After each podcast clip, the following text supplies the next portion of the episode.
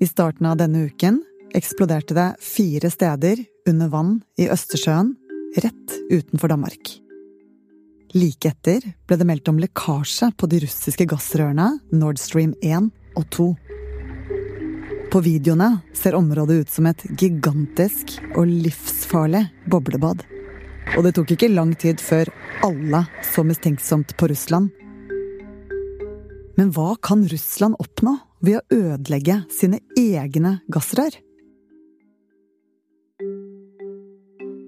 Du hører Forklart. Jeg heter Synne Søhol, og i dag er det fredag 30. september.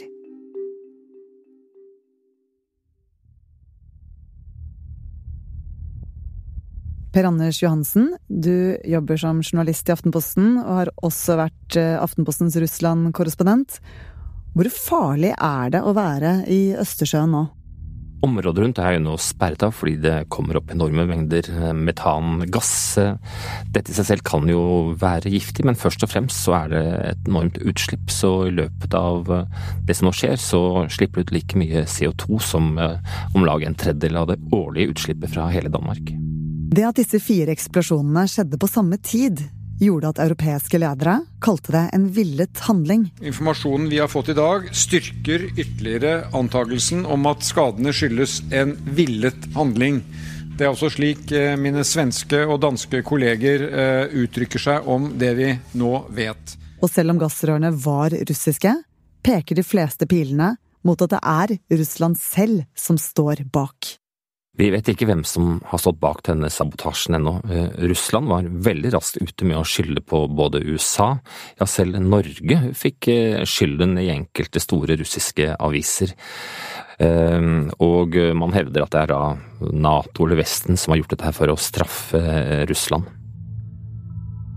Og Det er jo særlig et klipp som nå deles av russisk propaganda og de som støtter Russland. There will be no Nord Stream 2. We, we will bring an end to it. Det som er jo veldig typisk med dette her, og annen russisk propaganda, er at man tar klippet helt ut av sin sammenheng. Dette ble sagt i starten av krigen, og det egentlig Biden bare konstaterer, er det eh, som jo har vært en realitet lenge allerede, nemlig at det blir ikke levert gass lenger i Nord Stream. Og USA har hele tiden advart mot at det å gjøre seg avhengig av denne russiske gassen, det kan være farlig. Og det vil veldig mange i dag si var, var riktig. Eh, det meste peker nemlig på at det er Russland som står bak eh, dette. Ja, og timingen virker ikke tilfeldig.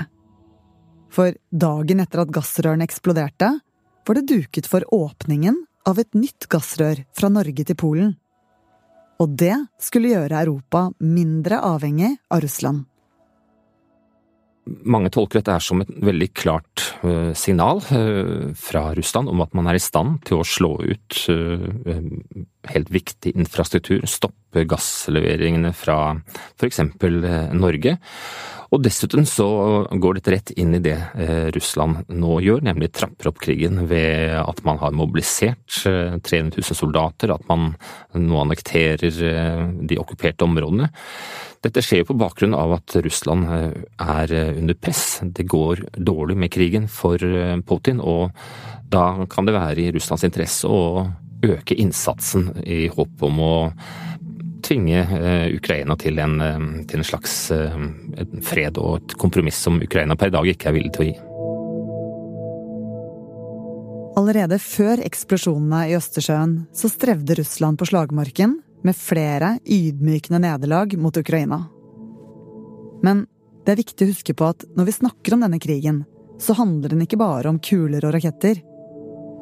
For dette er også en krig som handler om økonomi og stadig mer verdifull energi. Straks denne sabotasjen fant sted, så steg jo prisene på gass igjen i Europa etter at de hadde falt en stund. Eh, en av årsakene er jo selvfølgelig usikkerheten dette skaper, og frykten for at Russland kan være interessert i å gå enda hardere til eh, verks. Og bak ligger jo en helt eh, grunnleggende strategi for Kreml for å vinne denne krigen. Putins plan er jo at disse høye prisene og en iskald vinter etter hvert skal få Europa og europeerne til å endre kurs.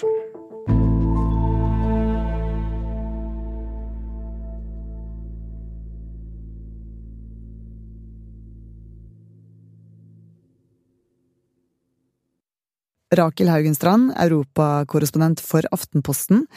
Hvor viktig var Nord Stream 1 og 2 for Europa? Nord Stream 1 var veldig viktig for Europa eh, fram til krigen brøt ut. Men så stansa Russland eh, all gassleveranse fra, gjennom Nord Stream i sommer. Og Nord Stream 2 ble faktisk aldri åpna.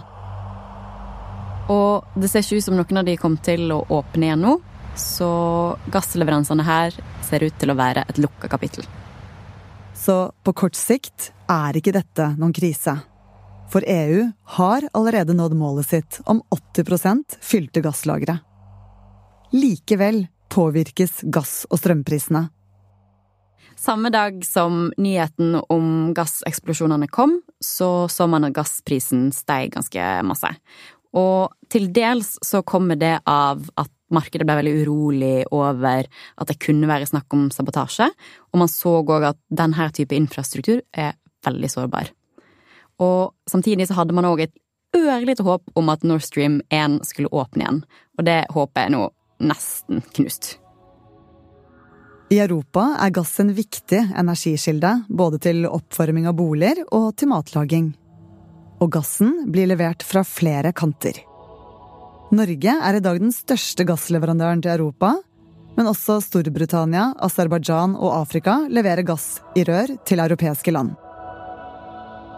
I tillegg blir flytende gass fraktet med skip fra USA og Midtøsten.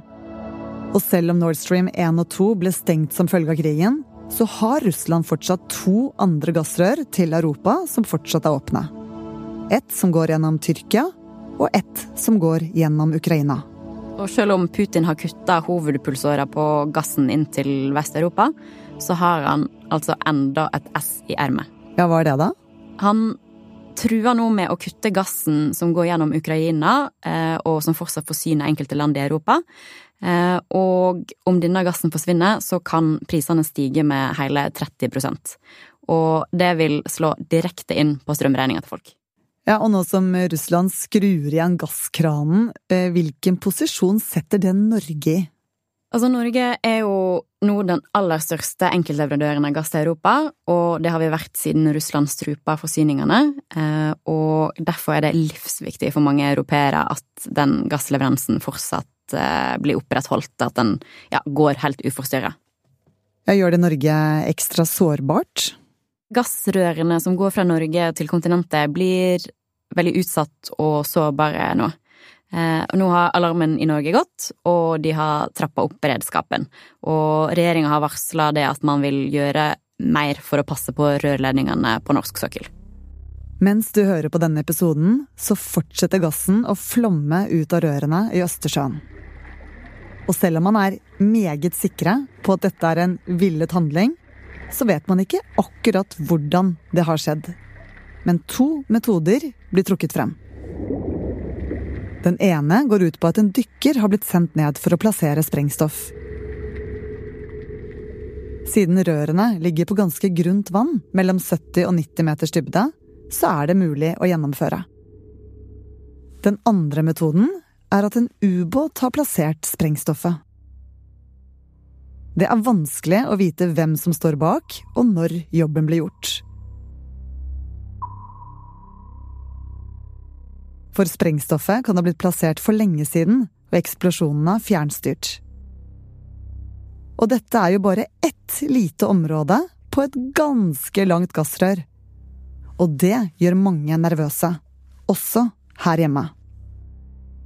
Det er snakk om tusenvis av kilometer med rørledninger som går, eh, og som ligger veldig ubeskytta. Og ifølge en ekspert vi har prata med, så ligger ansvaret for å beskytte gassrørledningene i en slags gråsone mellom oljeselskapene, politiet og Forsvaret. Og i tillegg, så selv om det er en norsk eh, gassrørledning, så går den gjennom flere land, og det er litt sånn uklart ja, hvem har ansvaret for å passe på hvor, så det er mulig det at ansvaret faller litt mellom flere stoler. Og for eksempel på oljeplattformer så er de ganske sårbare fra lufta, og de siste dagene så har vi sett flere droner som har nærma seg ulike oljeplattformer på norsk sokkel. Spionasje, liksom? Ja, det er helt ukjente dronene, så man, man veit ikke hvor de kommer fra. Det er viktig å understreke at det fortsatt er tidlig å trekke noen paralleller mellom lekkasjen i Østersjøen og dronene. Men eksplosjonene og mistenkelig droneaktivitet er med på å gjøre oss mer og mer usikre. Og det kommer på toppen av noe som du sikkert har hørt mange ganger det siste året. At vi europeere går en usikker tid i møte med dyrere mat og skyhøye strømregninger. Og denne usikkerheten vil Putin tjene på. Altså Siden 2001 så har man sett en slags høyrebølge i Europa. Det har man sett nå nylig i Sverige, og man har sett det i Italia med det siste valget. Og det er litt sånn i krisetider så trekkes gjerne velgerne mot de mer høyrepopulistiske partiene, for de eller de sier at de skal beskytte landet, og det er liksom Det er oss først, da. Um, og man har jo allerede sett litt tegn til splittelse i Europa, blant annet med Ungarn og Slovakia. Um, og Ungarns statsminister har allerede sagt at han ønsker å avvikle sanksjonene mot Russland før nyttår. Og i Italia så er det jo òg en del av den koalisjonen som nå kommer til makta, som er, i hvert fall har vært Putin-vennlige og til dels imot sanksjonene. Og den økte usikkerheten og splittelsen kan føre til mindre oppslutning eh, om sanksjonene og kanskje støtte til Ukraina, da.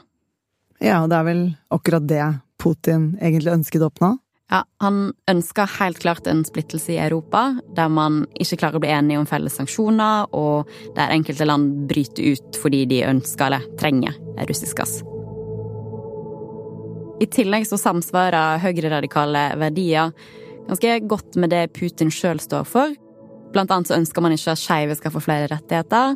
Og det har òg vært en systematisk nedbryting av demokratiet enkelte plasser i Europa, eh, med mindre pressefrihet og politiserte domstoler. Åh, dette her eh, høres jo bare dystert ut, eh, Rakel. Mindre demokrati, dyrere strøm, fare for mer sabotasje. Er det nå Europa kommer til å kollapse? Nei da, det fins noen lyspunkt, for Europa har jo stått samla mot Putin hittil, og vi håper jo at de vil fortsette å gjøre det. Og samtidig så bygges det ut fornybare energikilder i rekordfart, for Europa ønsker jo å bli helt eh, uavhengig av russisk gass. Og 2023 blir forhåpentligvis det siste året der Europa er i Putins energiklør.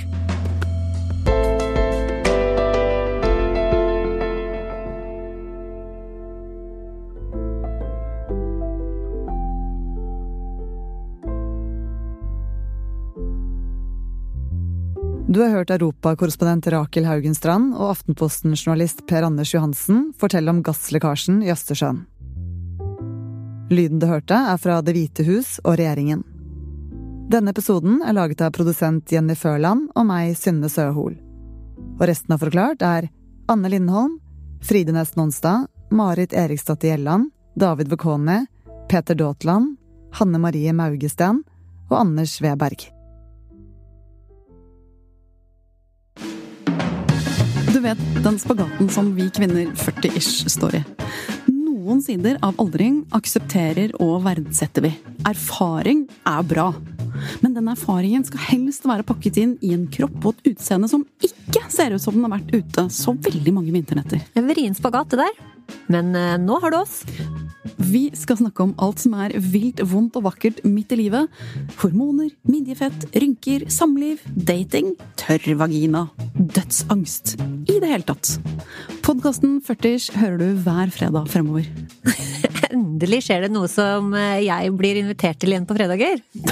du er fin, da.